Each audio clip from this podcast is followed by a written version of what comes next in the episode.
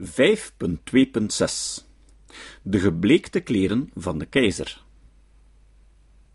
In feite vertonen deze strategische afzwakkingen of minimaliseringen van psychoanalytische concepten een sterke affiniteit met het verschijnsel van de epistemische dubbellevens dat we in 4.2.1 bespraken. Neem nu Drew Weston en Norman Holland, die menen dat er benevens de kerngedachte dat een groot deel van het mentaal leven onbewust is, nog een niet onaardig aantal andere Freudiaanse hypothesen zijn die in de loop van de jaren experimentele confirmatie hebben genoten.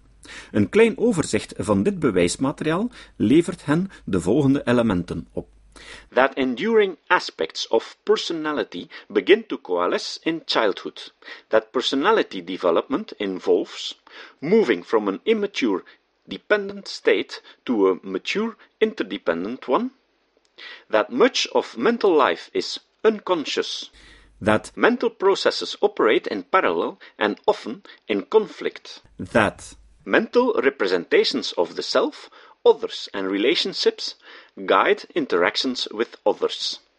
Wat moeten we aanvangen met dergelijke beweringen?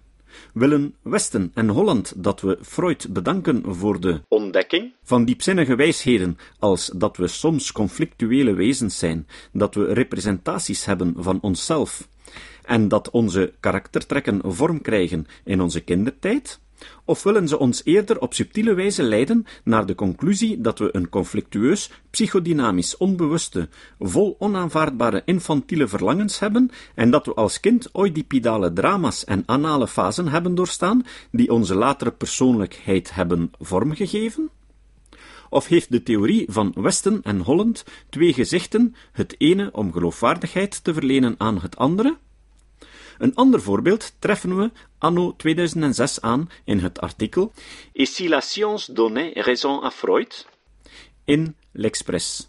Daarin betoogt de auteur Gilbert Charles dat bepaalde psychoanalytische hypothesen ondertussen wetenschappelijk bevestiging hebben gekregen, zoals daar zijn dat taal belangrijk is in ons leven, dat het brein een flexibel organisme is en geen computer, dat vele dingen in ons hoofd onbewust gebeuren en, last but not least, dat er misschien wel een verband is tussen de enigmatische qualia van de moderne cognitiewetenschappen en de ongrijpbare psyche van Freud.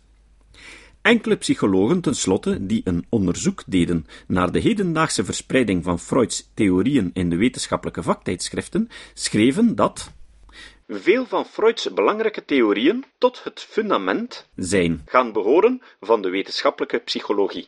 Te weten dat onbewuste processen het gedrag beïnvloeden en dat ervaringen in de vroege kindertijd de ontwikkeling in de volwassenheid beïnvloeden. De strategie die hier gehanteerd wordt, ligt voor de hand.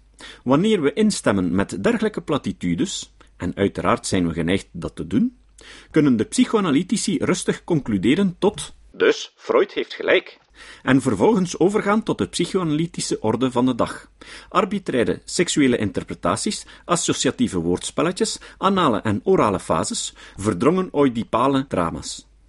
Maar zelfs al kunnen we niet in ieder geval hard maken dat deze Freudianen, nadat ze hun theorieën in de nabijheid van critici tot platitudes hebben verfletst, in de praktijk toch weer de eigenlijke psychoanalytische praatjes oprakelen, dan is het nog steeds legitiem om de volgende prangende vraag te stellen. Waarom zou iemand enkel terwille van de vernoemde platitudes de oude Freud van een gewisse dood willen redden? Waarom wil iemand de gemeen plaatsen dat seks belangrijk is in ons leven, dat mensen soms irrationeel zijn, en dat in ons hoofd veel dingen onbewust gebeuren, per se aan een Weense zielenknijper uit een vervlogen eeuw toeschrijven, zelfs als de geschiedenis vierkant tegen zijn standpunt pleit. Hoe dan ook is het toenemende en steeds meer doorzichtige gebruik van deze immunisatiestrategie een symptoom van het nakende intellectuele bankroet van de psychoanalytische beweging. Als Paul Verhagen bijvoorbeeld als Freudiaan niet meer kan hardmaken dat elke jongen zijn vader wil vermoorden en naar bed wil met zijn moeder, en hij zich in plaats daarvan moet verschansen achter het mistige truïsme dat kinderen een nieuwe band hebben met hun moeder, waar ze achteraf van moeten loskomen, dan betekent dat dat de kleren van de keizer al zo flinterden en verbleekt zijn geworden dat ze zijn naaktheid nauwelijks meer kunnen verhullen.